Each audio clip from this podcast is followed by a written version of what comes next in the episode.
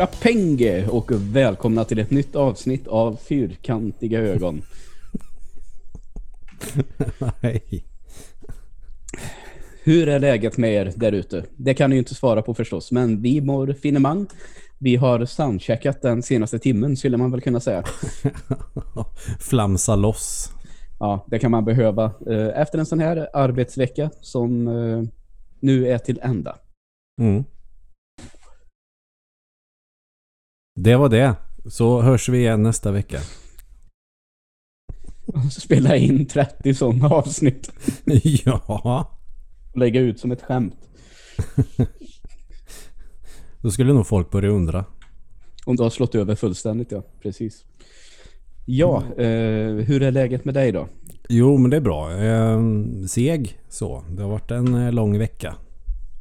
Mm. Men eh, kul. Saker, det börjar ju hända saker.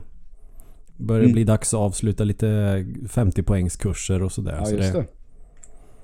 Så det, Perfekt. Ja, men man eh, blir ganska pigg av att se att det börjar hända grejer.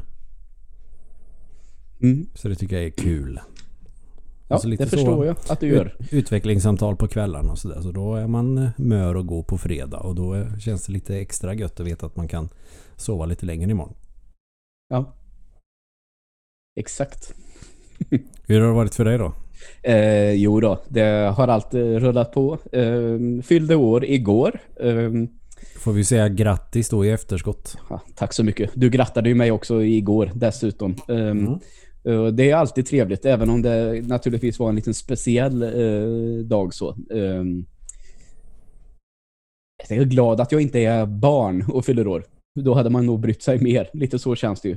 Ja, födelsedagar blir ju inte mer än att man får, eh, och det är jättekul att man får, men eh, skriva tack så mycket på typ 70 inlägg på sin Facebook.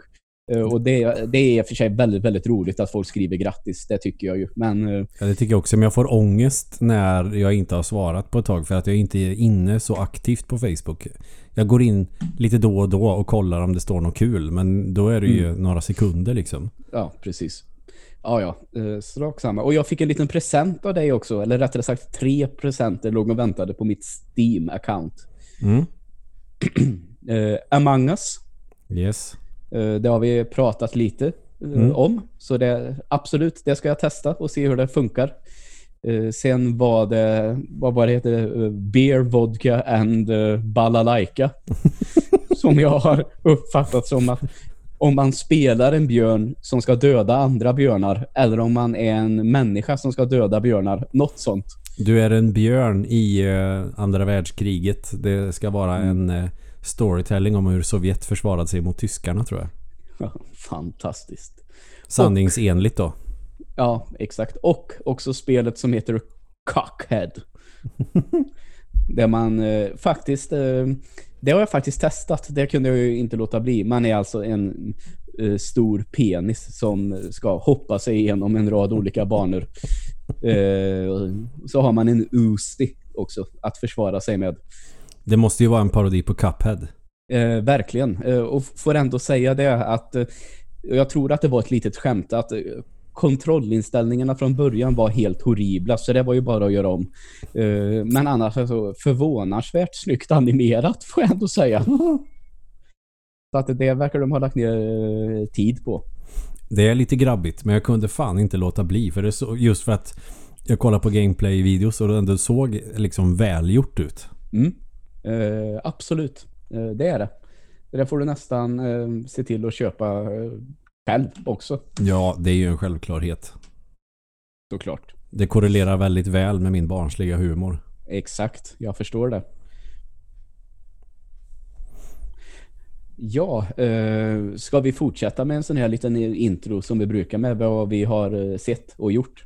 Ja, det kan vi väl göra. Ja, så kan jag faktiskt då nämna direkt att jag eh, idag faktiskt har eh, sett den senaste Beck-filmen som släpptes i, idag.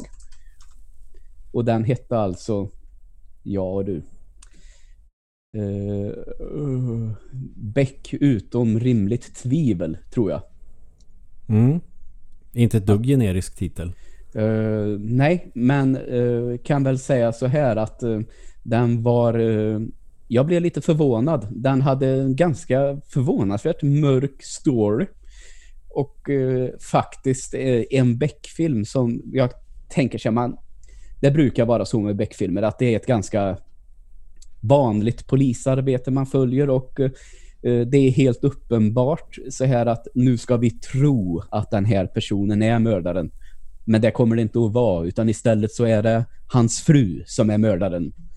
Den som är snällast i början av filmen är det som är mördaren. Eh, lite så. Så ofta brukar man ju eh, känna igen det mönstret. Mm. Eh, det här var faktiskt en Beck-film eh, som hade några såna här eh, ganska häftiga vändningar i storyn som jag absolut inte hade räknat med.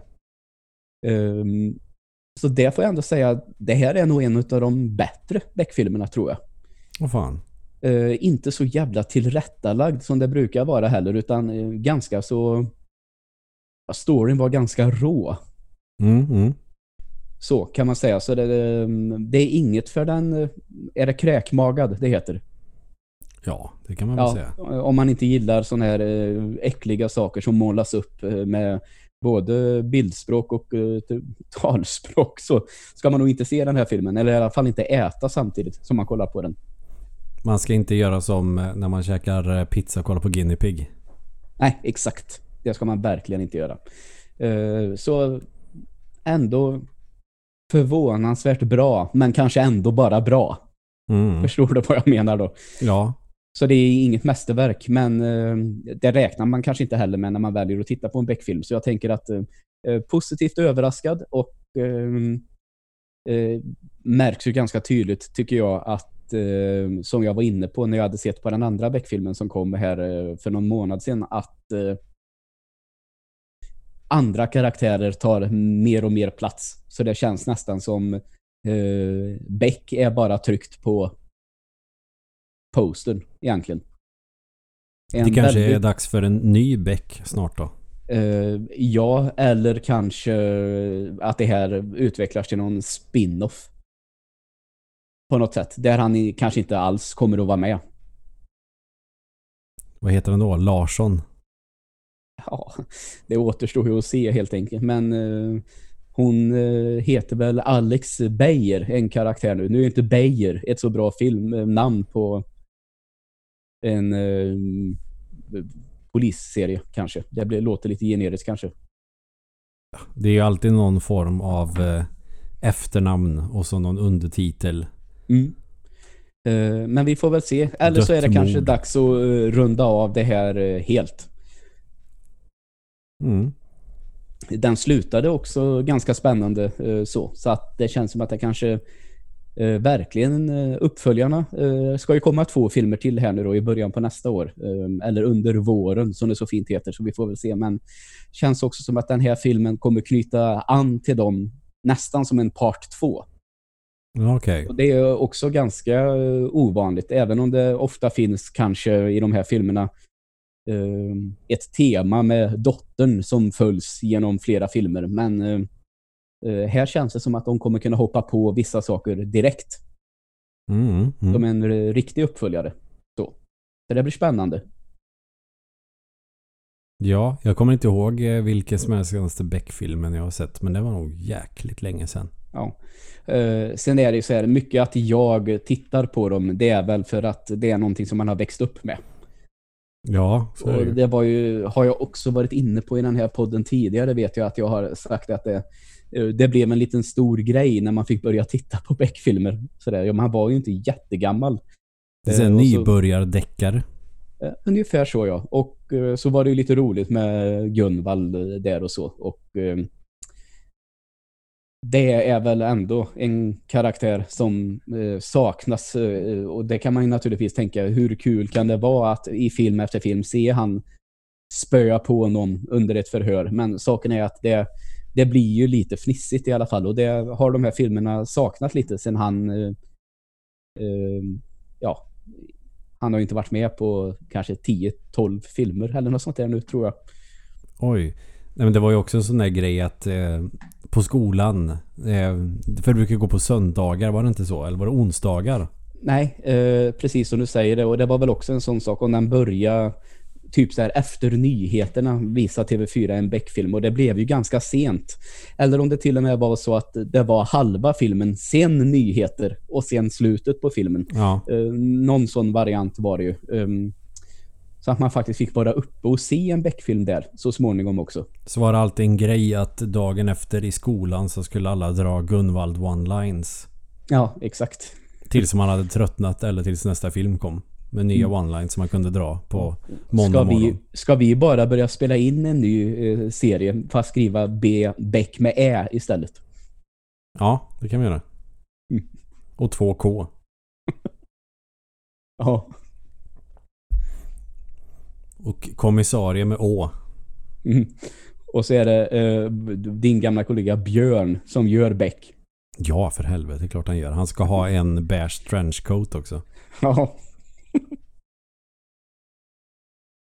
ja, så eh, det har jag i alla fall eh, sett på. Och så har jag ju naturligtvis testat Cockhead också. Skulle du rekommendera det spelet?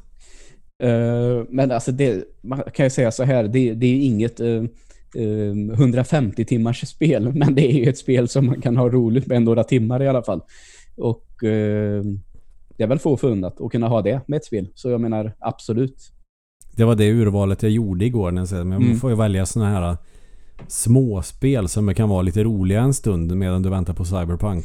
Ja, exakt. Eh, en vecka kvar till Cyberpunk också. Det känns ju peppar peppar får man väl säga. Man, jag vet inte vad som kan hända på den här veckan, men nu ska det väl ändå släppas, tänker jag. Mm. Eh, och nu vet jag också att eh, vissa personer, jag tror om det var i England eller om det var i Tyskland, så har det redan dykt upp lite sådana här Collector's Edition. Så ehm, det har ju liksom skickats ut redan till vissa personer. Man har väl kunnat köpa såna Xbox One X med eh, Cyberpunk ganska länge också. Ja, okej. Men att du får väl en garanterad nedladdning när det släpps. Ja, Men själva precis. konsolen med Cyberpunk-tema har funnits ganska länge. Jag tror Ja. fan... Eh, jag såg en sån när jag var på NetOnNet och eh, kollade efter lite roliga prylar för något tag sedan. Mhm, mhm. Ja. Typ väska till min Mm. Mac. Ja, ja, just det. Så, men nu, tänk, nu ska det väl ändå släppas eh, på torsdag. Säg inte det. Nej, man vet aldrig förstås, men eh, man kan ju hoppas. Ja, det, det, det är väl... Ja, det blir väl bra när man väntar på Playstation 5 när den kommer lagom till sommaren till de som bokade den 2015. ja, exakt. Ja, det tar tid alltså. De kommer ju inte kunna vi- ta emot beställningar på den förrän till våren typ. Nej. Ehm, den har ju, såg jag nu, ehm, det här var också i Storbritannien, där har ju eh, väldigt, under väldigt många månader Nintendo Switch varit den mest sålda konsolen eh, vecka för vecka. Mm. Men eh, den var nerpetad ett hack nu till Playstation 5s fördel. Efter att alla med- bottar hade köpt upp alla Playstation. Ja, eh, säkert att de hade tagit slut ändå då, men det som är så fascinerande det är ju att trots att det råder sån brist på den så verkar den ju ha sålt ganska bra och de säger ju Sony själva att det är deras eh, eh, största konsollansering någonsin. Med Och, råge eh, nästan väl? Ja, det verkar så. Och det är klart, det blir ju fler och fler kunder hela tiden också, så det är klart, konstigt kanske vore annars. Men, men. Ja, fan jag har ju förbokat den och väntar med spänning på den. Mm. Ja, Men det är egentligen ju- bara för att jag vill spela Demon Souls. Ja, så jag har suttit och kollat på en massa gameplay-klipp nu på YouTube och typ plågat mig själv. Mm. ja, sen kan man väl säga så. Jag misstänker väl kanske också att eh, jag ser att det är ganska många eh, butiker som har satt eh, vi får konsoler i maj. Eh, det är väl kanske lite säkerhetsmarginal också. Det skulle inte förvåna mig ifall det framåt februari-mars blir lite snurr på kulan med konsoler så att många kanske ändå får tidigare. Men Sony att- fattar ju att det finns ju kulor att tjäna där som kanske Ja. lägger på ett kol där. Ja, det, det är väl vad jag tror eh, kommer att hända. Det är väl Men, det bästa eh, som kunde hända dem att det är scalpers. Och nej, jag ska Ja. inte tjata om scalpers nu. Jag har pyst ut den ångan. Nu, nu är jag lugn och glad igen. Nej, men det är klart att eh, de klagar väl inte så samtidigt som de vill ha ut konsoler till kunder naturligtvis. För det finns ju en viss irritation kring att det har blivit som det har blivit. Och man följer lite forum och sånt där. Bland annat så uh, ökar väl den här tråden som heter Playstation 5 och Xbox förbokningsbekräftelse uh, ökar väl med tusen inlägg i veckan på FZ till exempel. Oj! Där det diskuteras fram och tillbaka med vad folk har fått för besked och så vidare. Jag tror inte jag fått några besked mer än att jag får vänta till någon gång nästa år. Nej, eh, det är väl väldigt många som har fått det också. Men sen så ser man att en del skriver så, ah, nu har jag fått en grön bock vid min eh, bokning eh, på CDON eller på Komplett eller på NetOnNet eller vad det är. Så eh, folk är helt spända. Det är vi dumma spån som eh, bokade på webbhallen som inte kommer att få någon. Ja, jag vet inte riktigt vad som hände för webbhallens del. Det har ju massor med olika historier och människor som får olika besked fram och tillbaka. Det är väl, eh, då tror jag faktiskt att det är bättre att göra så som Komplett har sagt. Att eh, vi räknar med att alla har fått i maj. Det är den tiden det kommer. Det är vad vi vet just nu. Punkt. Sen har ju webbhallen erkänt att de har skött det där eh, ganska dåligt. Ja, eh, det har väl varit så, tyvärr. Men, men. Eh, det är ju bara att pudla i en sån situation. Ja, och det är ett ganska etablerat eh, kedja också, tror jag. Så att de klarar sig eh, säkert så sett. Ja, det tror jag. Jag kommer inte köpa några konsoler där igen, men... Eh, det är ju inte så att jag hatar dem för det. Det är ju inte deras fel bara. Nej, Nej precis. Men jag tror att eh, man hade fått... Eh, det viktigaste varit att ge så klara besked från början och inte hålla på nästa vecka vet vi, nästa vecka vet vi, nästa vecka vet vi. Utan säg direkt bara, vi vet inte. Men Nej. i maj senast. Mm, ja. Jävla spännande ändå. Ja. Nej men alltså jag känner ju mig själv. Jag är ju så jävla glad att jag inte är i den här härvan själv. För jag hade ju också varit galen. men du kör ju på... Men har du spelat något mer på din eh, nya Series S? Uh, ja, uh, den går faktiskt uh, lite då och då sådär att um, um, oftast är det att man kan ta någon match i FIFA eller spela lite golf, spela lite Tetris. Men nu såg jag faktiskt att um, ett spel som jag vet att jag har sågat lite i podden. Eh, inte för att det nödvändigtvis är ett dåligt spel utan för att det är ett spel som kanske inte riktigt passar mig. Men nu, nu tänkte jag, finns det det nu att testa via det här Game Pass så kan jag lika gärna göra det. Och det är Ace Combat 7. Ja. Lite sån uh, arkadflygning kan man väl kalla det. Och det, mm. det verkar ju så jävla bananas i, i storyn hit och dit att jag kanske tänker att jag kan väl testa det där. Vad tycker du hittills då? Nej, eh, det håller faktiskt på att installera det i detta nu. Så jag har inte hunnit testa det än. Men det ska jag göra i alla fall.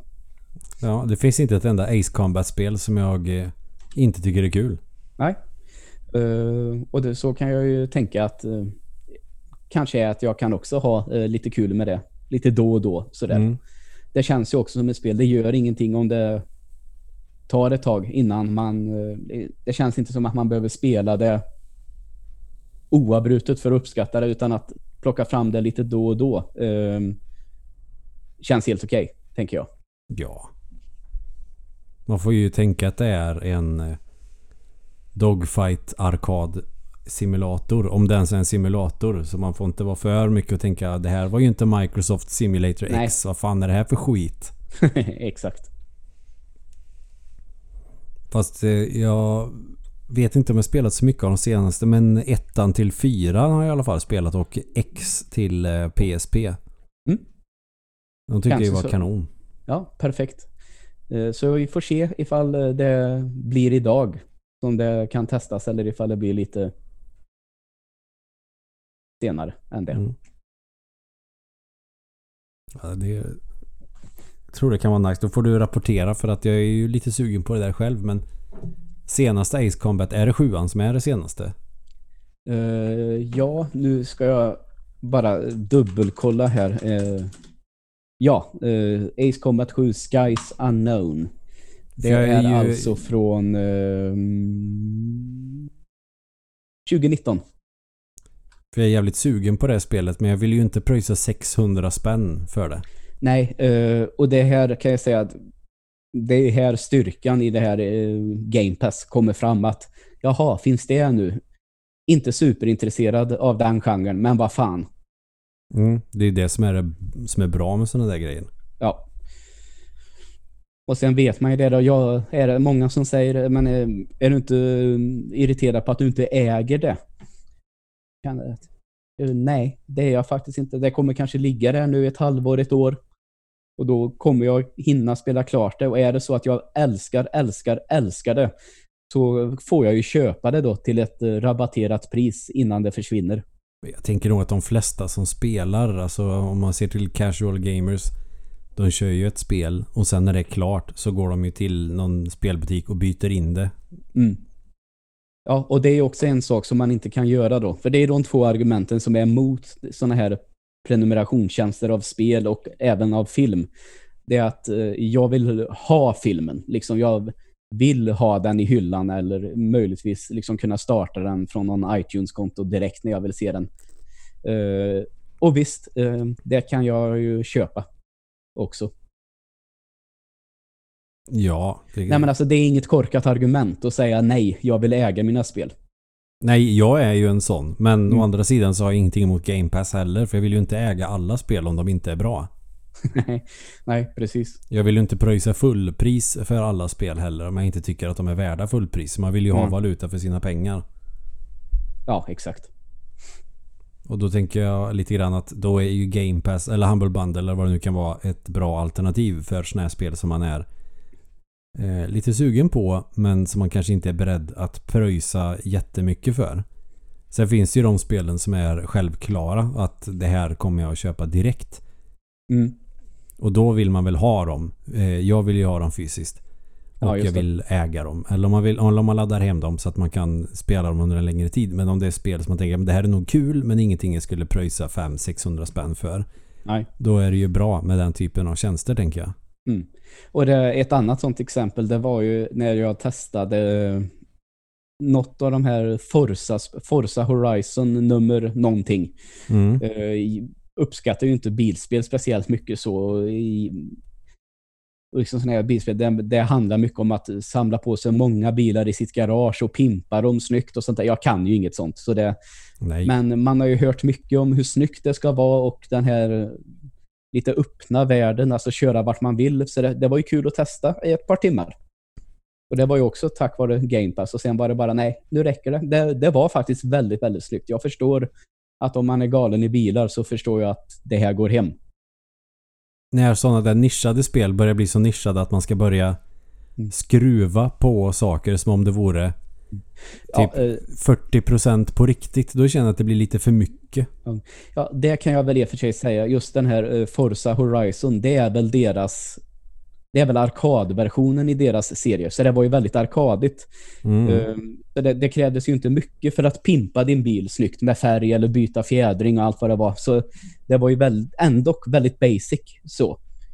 Men eh, det är mer kanske är att uh, jag förstår att uh, är man verkligen, verkligen intresserad så kanske det är kul att liksom mixtra med din bil för att få ut den så att den passar just din körning så bra som möjligt. Mm, det, det, går man ju bet. Så du ja, det gör jag ju också då. Men jag förstår att är man det minsta lilla intresserad så förstår jag att de här spelen måste ju vara guld. Ja. Och ja, de får ju överlag Det är ju ganska... skitbra att det finns för dem som gillar det naturligtvis. Ja. Jag tycker att det blir för krystat. Men sen å andra sidan finns det spel jag spelar som andra tycker blir för krystade. Ja. Sen har väl Forza ingen eh, gubbe som sjunger Daytona heller. Nej, jävlar, det är kul. Du, det har jag på, på Sega Saturn. Ja, gött. Det är väl den, en av de bättre versionerna tror jag va?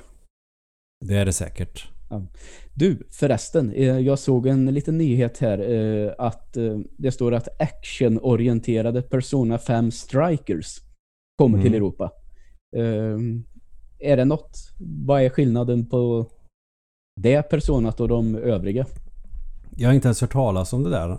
Låt mig göra Google lite fort här då. Mm. Och så är det Persona 5 Strikers. Ja. The Phantom Strikers till och med. Mm. Hack and slash rollspelande. Videospel står det på eh, Wikipedia. Gött. Mm, ingen aning. Ja, i och för sig. Det, Persona 5 är ju inget hack and slash. Det här kanske är mer Mm. eh, lätt. Jag vet inte. Ja. Strikers är en crossover mellan Dynasty Warriors och Persona 5. Och det utspelar sig ett halvår efter handlingen i Persona. Ja, okej, så- Joker. Joker kommer tillbaka såväl som resten av gänget i Phantom Thieves of Hearts. Bla bla bla bla. Ja, Okej, men det ska vara typ som... Eh, vad fan sa du att det hette? Dynasty Warriors. Ja, just det. Då blir jag lite osugen. Det är, jag har ingenting emot Dynasty Warriors men det verkar eh, mest gå ut på att eh, döda stora horder av människor. Eller fiender kanske man ska säga. Och sen gjorde de ju Hyrule Warriors som ska vara typ samma sak fast med Zelda. Och då gör de alltså ett likadant nu fast med Persona. Då kanske jag inte är lika intresserad i så fall. Hade det varit Hack and Slash i stil med Diablo då hade det kanske varit lite mer intressant. Mhm. Ja.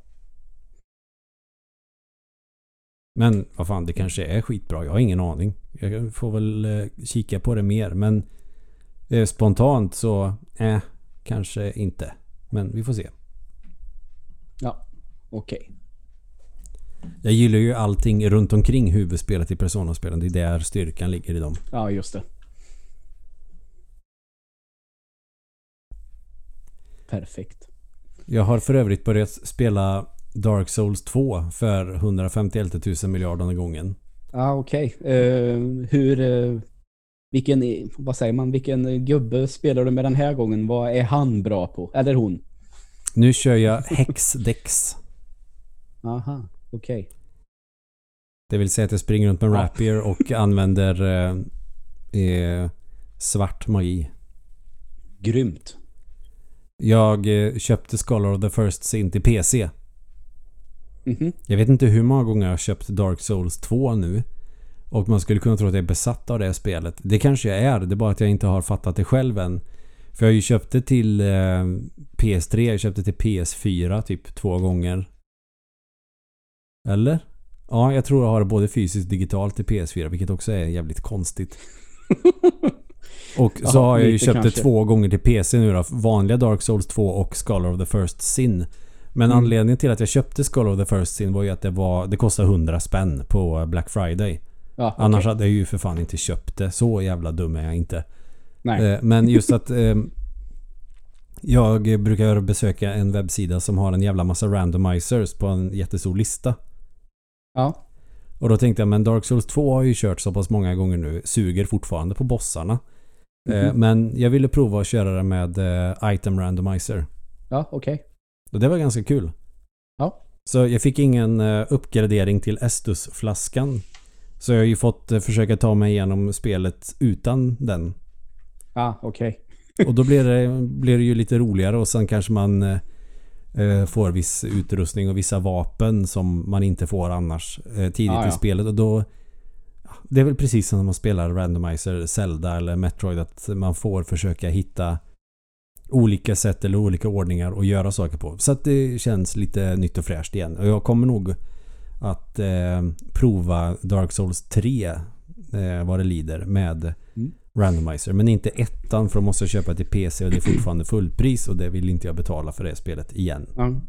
Ja, eh, var ju en utannonsering av FZ där också. Eh, generationens spel till Playstation och Xbox som vi pratade om förra veckan tror jag. Eller om Mm. det redan är två veckor sedan. Eh, det var ju eh, Dark Souls 3 just var ju med på läsarnas lista. Topp 10. Jo men det, det är en bra spelserie just för att... Eh, Och det, det, det jag tänkte nämna, ursäkta att nu avbröt jag dig, det var inte meningen, men jag hade tänkt att höra med dig. eh, Just tvåan kanske beskrevs som eh, seriens svarta får. Eh, Mm. eh, Känner du så också? jag förstår ju precis vad de menar. Mm. Det är väl att det är lite skillnad på det och ettan och trean. Ettan och trean har nog lite mer flyt kanske. Ja, okej. Och eh, lite mer... Det är kanske är lite roligare att utforska i ettan och trean. Tvåan är inte så rolig att utforska världen i. Nej, okej. Utan det är som eh, Ocarina of Time. Mhm. Du har en mittpunkt och sen så har du en massa håll du kan gå åt. Och sen så Ja, tar det stopp och så måste du tillbaka och så tar du nästa håll tills det tar stopp och sen tillbaka och så vidare. Ja, okej. Ettan och trean har lite roligare världar. Så jag, jag fattar precis vad de menar. Men Mm. jag gillar Dark Souls 2. Det är någonting med det som bara känns allmänt gött. Det är, det är lite mer avslappnande kanske på det sättet än vad 1 Mm. och 3. Jag vet inte hur jag ska beskriva det. Men Ja. Jag vet inte. Men jag gillar ju Zelda 2 också. Det kanske är någonting som jag dras till att eh, ja men det här är någonting som skiljer sig. Inte nödvändigtvis på ett bra sätt men det tilltalar kanske, mig kanske lite eh, därför. Kanske Europa-versionen av eh, Super Mario, tvåan också. Ja, det var ju min absoluta favorit när jag var barn. Ja. Eh, det är överlägset det Mario-spel som jag har spelat minst av de som jag har spelat. Mm.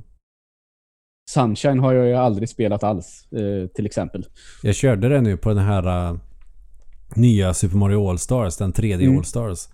Och eh, insåg att det här Sunshine... För jag, jag tänkte, jag öppnade ju ändå för att byta um, åsikt om det och få... Ja. Eh, och liksom ge det en ny chans. Och i, för ett Mario-spel så är det ju urusla kontroller. Ja, det är väl eh, framförallt det som många klagar på, har jag sett nu. Att eh, Alltså det är vissa... kamera och lite sånt där eh, som det verkar vara problem med. Och att eh, det är den här jävla vatten eh, va? Eller vad, Ja, vad heter det? Ja, som eh, många tycker funkar ganska dåligt och liksom tvingar på, tvingas på spelaren ganska ofta eh, för att lösa saker som man hade velat lösa på andra sätt kanske. Du får ju inte det här flytet som till exempel Super Mario Galaxy och Super Mario 64 har. Du har ju Nej. inte riktigt det. Det blir sekt. Och Ja. sen är det ju några sådana här plattformsbanor som i teorin skulle vara de roligaste i hela spelet. För det är det du fick sen med Super Mario Galaxy och eh, 3D World och de här. Mm. Att de eh, liksom gjorde en grej av det istället. Det är ju som bonusbanor i Super Mario Sunshine och kontrollerna gör så att... Eh, för det är inte så att banorna är nödvändigtvis jävligt svåra. Men kontrollerna, det, det, det är ju isbana hela tiden. Ja, fy fan. Och det tycker jag är eh, konstigt att ett Mario-spel känns så ofärdigt Ja. som Sunshine gör. Men för det var inget release-spel va? Eh, till GameCube när den kom. Jag tror det var Nej. väl det här Luigi's Mansion som var... Ja, det är mycket roligare att spela. Men det jag tänker att eh, man hade kunnat köpa, alltså om du säger att det inte känns färdigt, det hade man väl kanske kunnat köpa ifall de hade stressat för att få ut det tillsammans med konsolen, men så verkar det inte vara heller då. Nej. De har bara haft bråttom helt enkelt. Ja, eller gjort ett dåligt jobb. ja, Tycker jag. Det, det Mm. finns säkert flera som tycker att Sunshine är askul. Och ja det, det är naturligtvis helt okej att då, tycka. jag fan av, då är jag fan avundsjuk på de personerna. för ja, att så jag, kan man se det istället. Jag försöker verkligen gilla det för att jag älskar Super Mario. Det är ju en av mina absoluta favoritspelserier någonsin. Jag är fan uppvuxen med det. Men Mm. just Sunshine, jag, nej. Det funkar inte. Det känns Nej. som en dålig spin-off.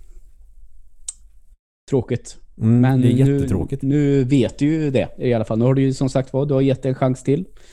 Och du har varit öppen för att förlåta det. Men det funkar Mm. inte. Och då är det ju inte mer med det. Nej, jag får ge det en tredje chans om ett tag. Jag måste ju ändå känna någonstans... eh, Jag måste ju kunna säga någon gång, ja men jag har kört igenom alla Mario-spel. Ja, såklart. Det är ju det här jävla spelet som står i vägen lite för det nu. Mm. Jag förstår. Men Super Mario 64, det ändrade ju uppfattning om. För att när jag spelade de första gångerna så tyckte jag det var helt obegripligt. Mm. Okej, du har ingen eldblomma, du har inga uppgraderingar på det sättet. Fast det har man ju. Men inte på samma sätt. Du har ju Nej. den här um, kepsen med vingar och att du kan Ja, bli metall precis. och såna här grejer. Ja. Och sen, men det har du ju bara en liten stund. Sen så försvinner ju det. ja, de är tidsbegränsade på något sätt. Ja, det är ju inte som du får en fjäder eller ett löv i de andra Super Mario Nej, som exakt. Du har tills du blir träffad av en fiende. Det kommer jag ihåg att jag var lite besviken på. Och det här att spelet går ut på att leta efter en massa skit. Det är inte att klara en bana som gör att Nej, man vill exakt. försöka igen och igen och igen. Och bli duktig på det. Utan eh, det var att springa och leta efter grejer. Då gillade jag det inte. Nu tänker jag ja, det känns som ett naturligt steg framåt. Vad fan, det är väl klart Mm. som fan att man får göra så. Man kan ju inte ha samma hela jävla tiden. Nej. Och det gjorde ju Eh. också att vi fick Super Mario Galaxy som är, som är de bästa Super Mario-spelen. Mm. I 3D. Ja, där har jag faktiskt aldrig spelat tvåan, utan bara det första. Och det säger de att tvåan är ännu vassare. Ja, jag jag tycker de är likvärdiga. Ja, okej. Inget som är bättre än det andra på något sätt. Tvåan kanske Mm. har lite mera grejer men... Ja. Nej men jag, jag tycker att de är lika bra. Ja. Det, det, är, det är nog de bästa Mario-spelen i 3D. Sen är ju Odyssey är jävligt vast också och Ja. eh, 3D World är ju också riktigt jävla vast. Mm. Ja, Odyssey gillar jag eh, faktiskt. Eh, så. Eh, var ju ett rätt roligt koncept med det där att... Eh, Och lite kort Mm. tycker jag bara. ja, det kanske det var. Det kan jag hålla med om. Men att eh, det kändes ju... De är ju så jävla duktiga på Nintendo med det här att eh, liksom... Göra ett nytt Mario-spel och ha med en liten ny gimmick. Sak. Och gimmick kan låta lite negativt ibland, men så menar jag inte alls nu. Men det här med att man kunde ta över fiender med den här hatten eh, och det. Det tycker jag är skitbra. Ja, det tyckte jag var kul också. Det, det, det blev väl lite så här du sa att man kunde... Det är ju även där att man ska leta efter väldigt, väldigt många saker. eh, Mm. Så. Men ändå så känns det som att eh, man får vara kreativ med sin eh, förmåga och använda den för att verkligen hitta allt. Mm. Fan, det blir lite rörigt. Du fattar vad jag menar. Ja, jag fattar precis vad du menar. Nej, men det som känns med eh, Odyssey är att det är ett ganska kort spel. Mm. Men så tänker de väl om man förlänger speltiden med att man ska hitta en miljard månader för att få Ja. typ 100%. Sånt där tycker jag inte är superkul. Utan jag vill Nej. hellre ha ett långt spel i så fall. Mm. Som man Och har det är, kul hela väl, vägen. det är väl det som den kritiken som det spelet har fått. Det är att eh, det är så in i helvete med månar att leta efter. Ja, det, då, då tappar det effekten när det blir alldeles för mycket. Mm. Ha lite färre månader och lite mer banor istället. Ja, Och så får det komma lite sen, får man ju släppa spelet lite senare då.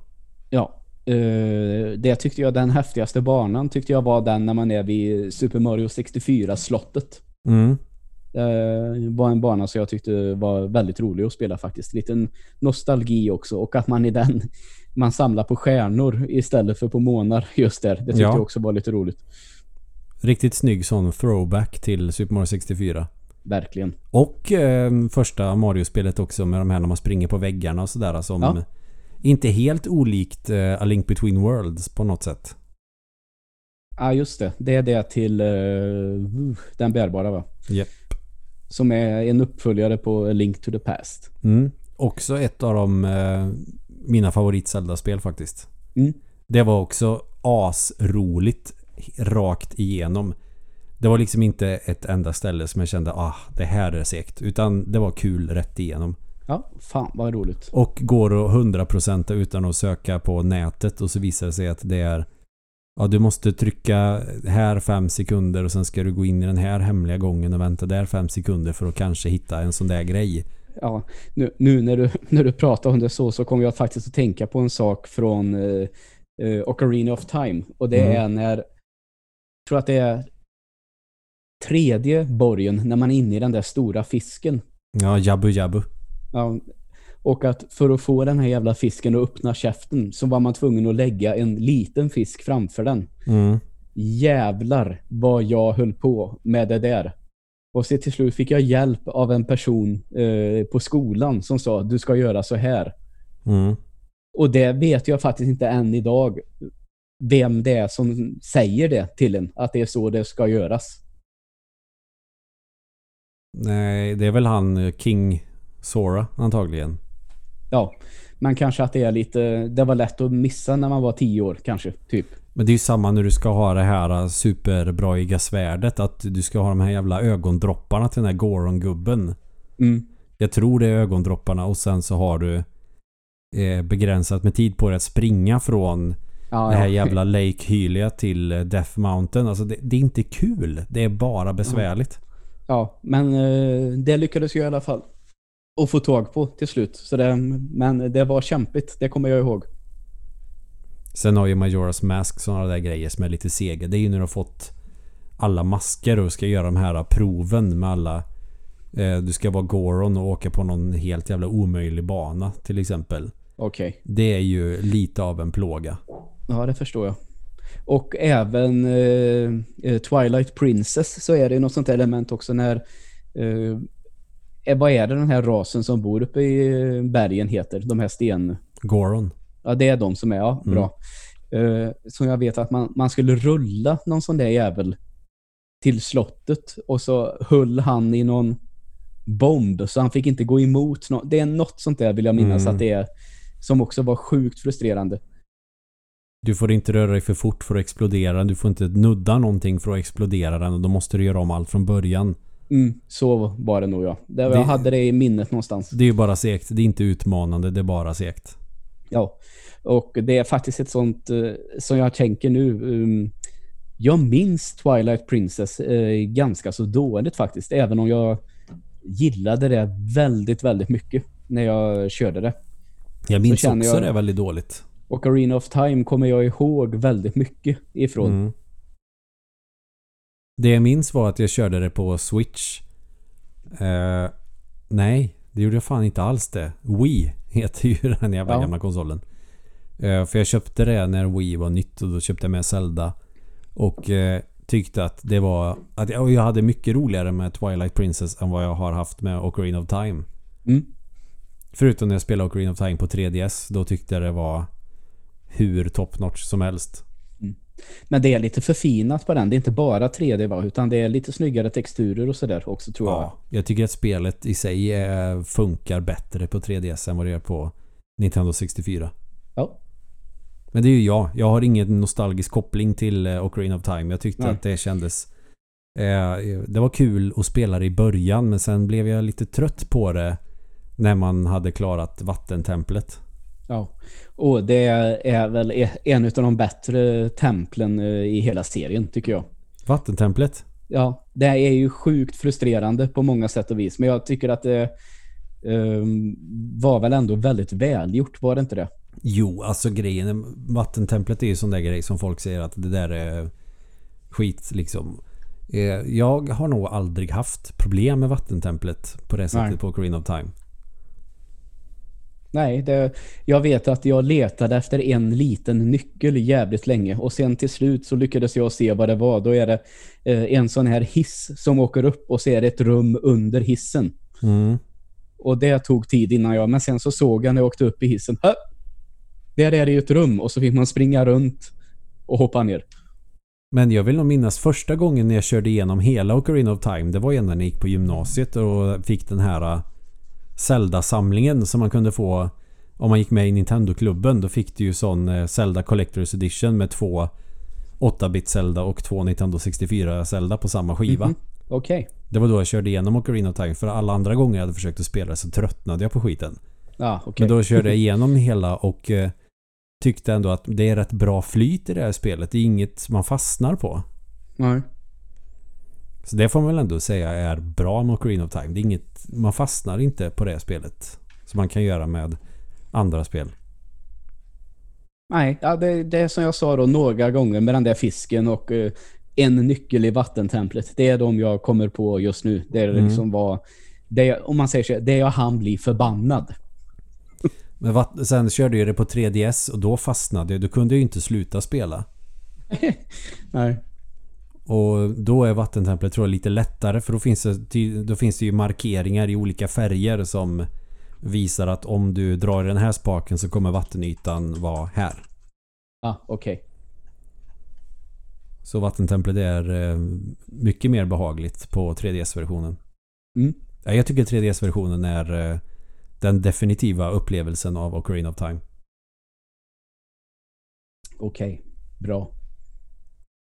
Majora's Mask till 3DS också sjukt bra. Mm. Men där har jag nog... Eh, ah, det, där har, kan jag nog inte riktigt jämföra för att jag har inte spelat Nintendo 64-versionen sedan år 2003. Nej, okej. Och då Nej. spelade det på GameCube dessutom.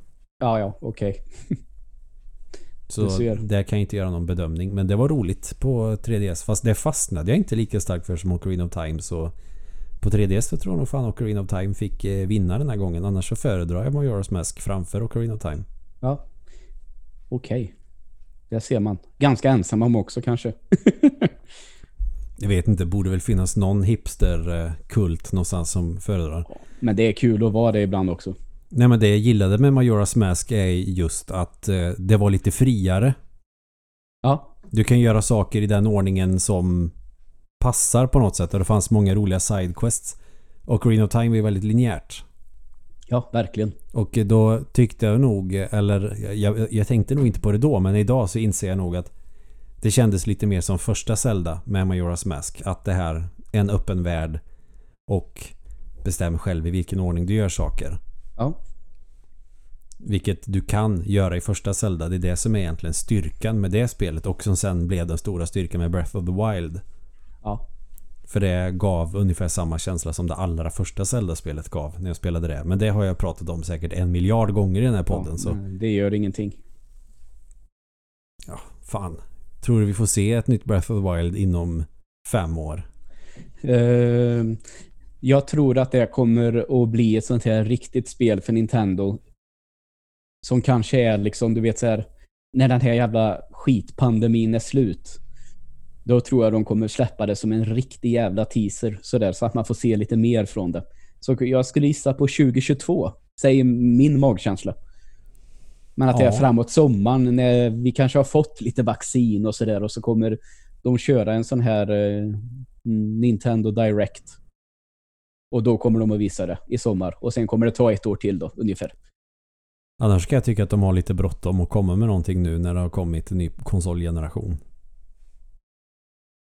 Ja. Eh... Då måste de ju ha någonting för att hålla uppe det intresset. Mm. Sen kan man ju påpeka att Nintendo kör sitt eget race och så vidare. Men många gamers har ju inte bara en konsol. Ja, nej, nej, visst. Men det... Så är det ju förstås. Och Metroid Prime 4, vad, vad hände med det? De ja, det började om med det för ett tag sedan nu, men nu har det ju gått ett tag. Mm. Det skulle man väl också vilja ha någon rapport om. Vad, vad blev det med det? Ja, det kan man verkligen fråga sig. Men eh, de, de borde ju komma med något av det här och visa upp de här två snart, tänker jag. Mm, det är nog läge nu. Ja. För remaken på Metroid 2 var ju eh, svinbra till 3DS. Ja, just det. Och det, jag skulle vilja se mer sådana Metroid-spel. Mm. Samma med som Link's Awakening. Jag skulle vilja se mer sådana Zelda också. Ja, eh, det förstår jag. Eh, så. Eh, då kan man de ha det mellan sin... de stora titlarna för att det tar sån jävla tid för Nintendo att släppa sina grejer. Men det är väl för att de har som hög kvalitetskontroll då. Och det är, det är ju bara bra. Men man vill ja. ju ha saker också under tiden. Inte bara liksom tredjepartsutvecklade indiespel. Nej, eh, exakt. För det är en sak som man kan nämna för att sätta kanske i ditt perspektiv. Och nu vet jag, det går inte alls att jämföra egentligen de här spelen. Men eh, jag tror att det var så till exempel att eh, från Twilight Princess till det här Skyward Sword. Mm. Det är mellan de två Zelda-spelen så han samtliga Uncharted-spel komma. Ja, och de är ju de är väl, det är väl jävligt hög kvalitet på dem också. Ja, det är det. Men det kanske ändå är det är ju lite mer korridor i dem, trots allt, får mm. man ju mm. säga. I all, särskilt om uh, ettan, tvåan, trean. Sen öppnar ju fyran upp sig lite mer kanske. Men just det här att de bygger ju jävligt snygga världar, Naughty Dog, men i ganska tajta korridorer. Mm. Så. Så det är ju liksom rakt fram som gäller. Så det kanske är när man har byggt sina assets, eller vad det heter, kanske det går relativt snabbt att sätta ihop på något sätt. Ja, sen kanske man inte behöver bygga så många världar. Så skulle du gå bakom kulisserna till exempel på Uncharted så kanske det inte är så fasligt mycket. Nej, exakt. Så tänker jag också. Uh, nu tycker jag att de med Last of Us Part 2 um, liksom försökte ändå att vara nosa lite på det här med att ha lite stora, lite mer öppna ytor att röra sig över. Mm. Um, det var ju många som tyckte att det här det kanske blev lite sekt att hålla på med det där. Å andra sidan då så var det ju några eh, väldigt, väldigt snygga cutscenes som um, man fick eh, om man eh, letade lite. Mm, mm. Bland annat i en musikaffär där, där det var eh, ett inslag som blev väldigt fint i, i det här spelet. Det måste jag nog försöka komma igång och spela för eh, vår gitarrist Evo sa att det är det bästa spelet han någonsin har spelat.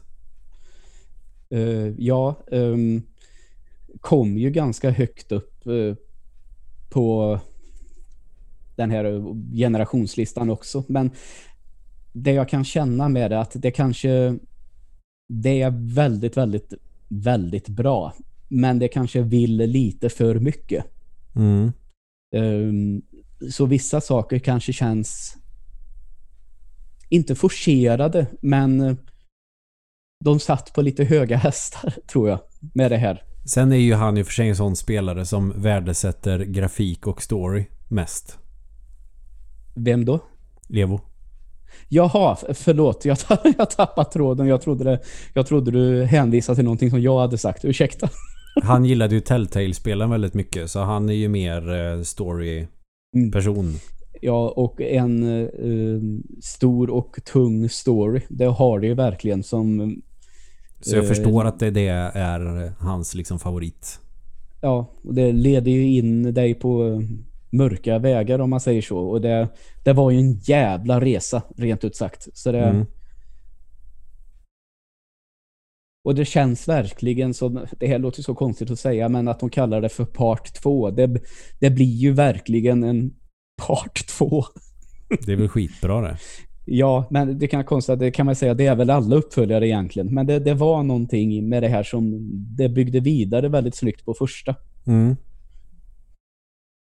Men det ser man väl inte superofta i spel kanske, eller? Gör man det? Det känns inte. som att det finns precis lika många spelserier där tvåan kan vara en helt annan story fast det utspelar sig bara i, en annan, i samma värld längre fram i tiden. Ja. Dragon Age är ju så. Ja, just det. Det var det typ det första jag kom på av alla jävla spel man kan... Ja, Zelda för all del. Mm. Men det ja, känns nej, ju som det... helt olika stories överhuvudtaget. Å andra sidan. Förutom typ mellan Zelda 1 och 2 och eh, A Link to the Past och Link's Awakening. Mm. Ja, vi säger så. Det kanske var lite speciellt att göra en tvåa på det sättet eh, i alla fall. Men i alla fall, eh, det är ett väldigt, väldigt bra spel. Så jag, jag förstår din eh, kompanjon eh, och gitarristpolare där, Evo. Ja, jag förstår det också. Det känns mm. som att det definitivt är ett sånt spel som man skulle gilla. Ja.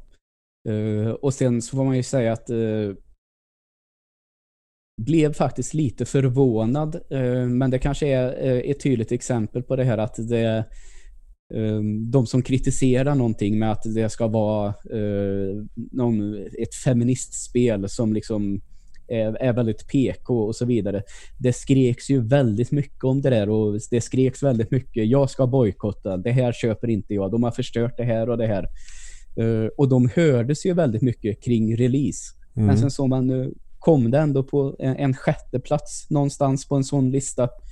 Uh, så det kanske är lite så. De skrek väldigt mycket men kanske inte var så många som det kändes heller. Så brukar det ju vara. Ja, men det blev, jag blev ändå lite förvånad. Jag trodde liksom att det skulle missa en sån lista. I alla fall topp 10. Av alla hundratusentals spel som inte är såna så orkar man ändå gnälla. Kan jag ja. tycka. Ja, ungefär så ja. Och sen tycker jag att det, det, som, det har väl blivit lite så med den här YouTube-generationen som jag är en del av då, visserligen. Med trailers hit och dit att det är väldigt många som ser en trailer och skapar sig en bild. Det här kommer att ske. Så här kommer det att vara. Och sen får de någonting annat. Star Wars. ja, och då är det liksom då är det min idé var så mycket bättre. Nu är det här ren skit. Jag fick inte det jag förväntade mig. Nej. Och jag ska säga att jag tycker att eh, det är väldigt roligt att eh, titta på en trailer till exempel och spekulera, undra vad som kommer att ske nu, vad kommer de att göra med det här?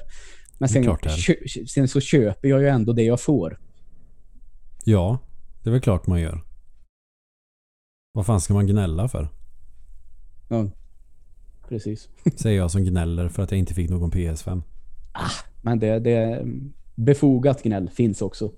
Ja, ja. Är det jag som gnäller är det befogat. Är det någon annan som gnäller så är det löjligt. Det står jag för. Vad fan. Så resonerar väl alla. Omedvetet. Ja, verkligen.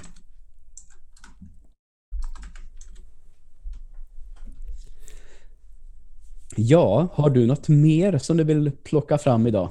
Eh, jag tänkte bara nämna att jag har sett eh, senaste säsongen av Fargo. Aha, okej. Eh, hur många säsonger är den uppe i nu? Mm, är det fyra? Vad fan, det är, det är nästan glömt att den existerade. Jag tror Men- det är fyra. Jag kan Ja. ha fel, men vi säger fyra för att det är bara fyra säsonger jag känner till. Eh, första och andra är skitbra. Mm. Alltså top notch, det kan typ inte bli bättre. Tredje säsongen orkade jag inte se klart för det var så jävla dåligt. Åh fan. Fjärde säsongen då, den senaste, om det nu är fjärde, är eh, helt okej. Bra. Men det är väl kul att de liksom eh, tar sig... Men har du sett klart trean nu eller sket du bara i den? Jag sket bara i det. Så fick Evelina berätta det som händer efter det vi såg senast. Och så ja. tänkte jag, ja ah, fy fan vad bra att jag inte ödslade min tid på den skiten. Mm. Ja. Det är väl det. ja, ja. Jag har inte så mycket mer att säga. Det var bara, vill, vill bara nämna att jag hade sett det. Så jag tror inte att jag har ägnat så mycket tid till att eh, kolla på eller spela någonting speciellt så. Det är väl det är, det är väl anledningen till att vi har ett sånt här avsnitt den här veckan. Att vi Ja. bara pratar lite om det som dyker upp. Sånt där som måste få komma ut ibland. Vilket jag tycker är jävligt trevligt. För ah, det har varit mycket att jobba med nu. Ja, jag förstår det. Och det blir sena kvällar och eh, ja, jag vill ju koncentrera mig till 100% på det jag gör och tycker det är roligt. Så när jag kommer hem så vill jag ju mest eh, vila mig. Och då Mm. kollar jag inte på något mer investerande än The Office typ. Nej, okej. Och Vilket är- det kan man ju är- leva med, höll jag på att säga. Ja, det är ju en supertrevlig serie. Mm. Men jag skulle vilja se om den engelska The Office. Ja, den tycker jag ju är fullkomligt briljant. Ja. Och att eh, de får till den här, som vi tittade på en gång, det är de här två specialavsnitten som heter eh, Julfesten. Som jag tycker blir ett sånt jävla fint avslut på alltihop. Ja. Det får man ändå ge cred till de som, eller till Ricky Gervais då. Mm. Att eh, de gjorde den ganska kort och, en, och fulländad med det avslutet. Ja, och sen kan han väl också få lite kritik då för att han har eh, väckt liv i den eh, karaktären igen med en film som kanske bara var okej. Mm. För det kändes liksom som att han i, i den julfesten för en gångs skull säger ifrån. Ja. Men han- mot, är, är, det- är det Finch? Han, nej, så heter han inte. Ja, skitsamma. Hans polare där som alltid är på honom och är elak. Mm. Till slut så säger han ifrån till honom och det känns liksom som att den karaktären gick vidare där. Men så Mm. är han eh, i en ny film och är liksom tillbaka i gamla fotspår. Det var lite synd, tycker jag. Den Du- kunde gott ha fått eh, dö där, karaktären, så att säga. Då är det lite kul med Michael Scott i den amerikanska versionen som om man kollar på första och andra säsongen så är det ju väldigt mycket David Brent i den karaktären. Mm. Men att i kanske fjärde säsongen börjar kännas mer som en egen karaktär och inte baserad på David Brent på samma sätt. Ah, okej. Det gillar jag ändå med den amerikanska. Det är därför jag tycker att den ändå lyckas så bra med att bli en egen serie till slut. För det är ju Mm. Första säsongen är ju mycket rehash av eh, engelska versionen. Ja. Jag förstår. Med brulépuddingen och de här grejerna. Minus eh, könsorden. Ja, just det. Alltså jävlar. Jag kommer ihåg jag kollade på den här serien med Turbo en gång så är det ju en, en scen när det är en stor uppblåsbar kuk. Ja. Eh, och då säger han ju exterminate. Och då Mhm. har de översatt det till kukrota. Och då, jag, jag fattar inte först. Och sen, sen helt plötsligt så börjar Turbo garva. Och säger, nu fattar jag. Det, kukrota låter ju som ett slang på en könssjukdom. ja, men det är att han säger ju uh, istället för exterminate som är utrota. Jo, ja, ju, det, ja, det, tror jag vi förstår. men, men just det att det var så kul att se när poletten trillade ner för Turbo. Hur de hade kommit på den översättningen. För den är ju faktiskt... Det är en sån översättning där den svenska varianten faktiskt fungerar ganska bra. Den är ju roligare. säga kukrota istället för utrota. Och slå en i huvudet med en stor penis. och i den amerikanska versionen så fort det finns någon anspelning till att det kanske är en liten plastpick så är det censurerat. Det är lite löjligt tycker jag. Mm. När de är i den sexaffären så har de supercensurerat allting. Det är bara, ja. det är ju pixlat allting förutom karaktärerna. Men det är väl så. Eh, sex är farligt, våld är bra. Ja, exakt. Svordomar också är ju också borta. Ja, det, det kan jag ju sakna lite för det är det som gör första säsongen av amerikanska The Office eh, som en tam version. För att eh, det är mycket könsord och svordomar i den, den engelska versionen. Som mm. passar bra och gör ändå är effektfullt för serien och när de gör en amerikansk version där de måste liksom ta bort allt sånt för att det är ju superfarligt med svordomar. Ja. Köpa vapen i affären är inte alls lika farligt som att svära i tv. Nej, Då blir det inte riktigt lika kul. Så det är ju inte förrän det blir en egen serie mot de senare säsongerna som det blir eh, riktigt, riktigt bra. Mm. Och vad jag vill säga med det vet jag inte riktigt. Det var bara en spontan tanke jag fick. Men, det. men det är i alla fall en serie som jag känner att den kan man slappna av lite med. Ja, verkligen. När man behöver någonting snällt. När man är mm, trött i skallen.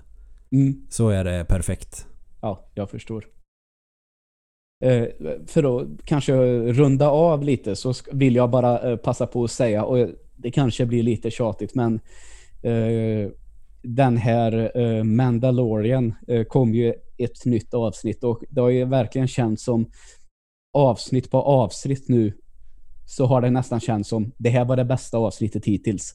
Och det fortsätter även den här veckan. Alltså den är ruskigt bra den här serien nu. Mm.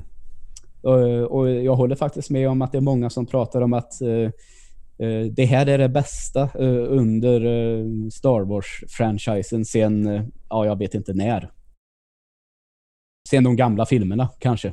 Return of the Jedi alltså? Ja, jag skulle jag säga. Det är, det är fanservice gjort på rätt sätt. Ja. Ibland så kan man säga så att det kanske finns karaktärer som har varit med i tecknade Star Wars-serier till exempel. Uh, som de länge har sagt att den här personen ska vara med. Mm.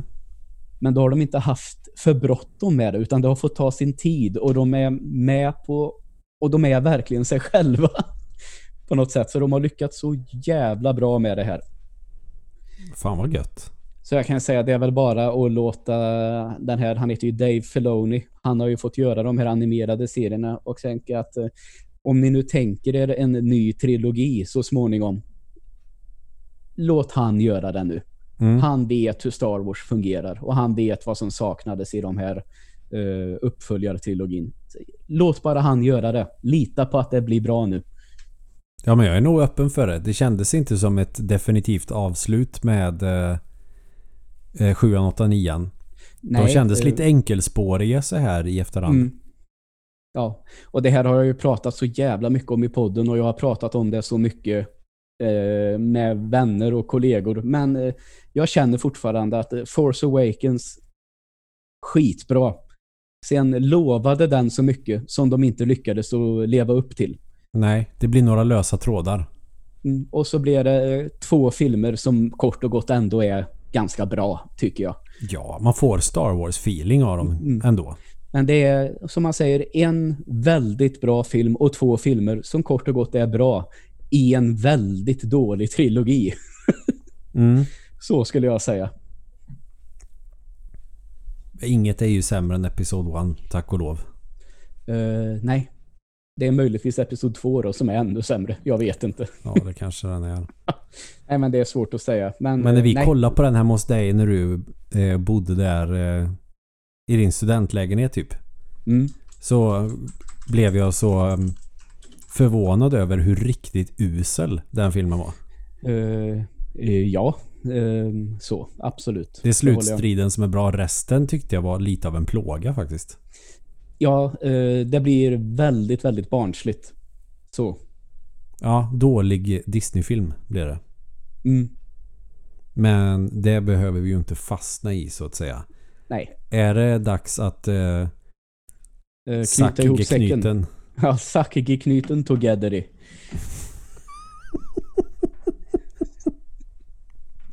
Exakt så. Ja, eh, men i alla fall, eh, ni vet eh, var ni hör av er till oss. Ja. Lättast via Facebook tror jag. Och det är också där som folk hör av sig. Så kör vidare på det. Ja. Och så återstår ju bara att tacka så mycket för att ni än en gång har orkat lyssna på den här podden. Tusen tack ska ni ha. Hej då!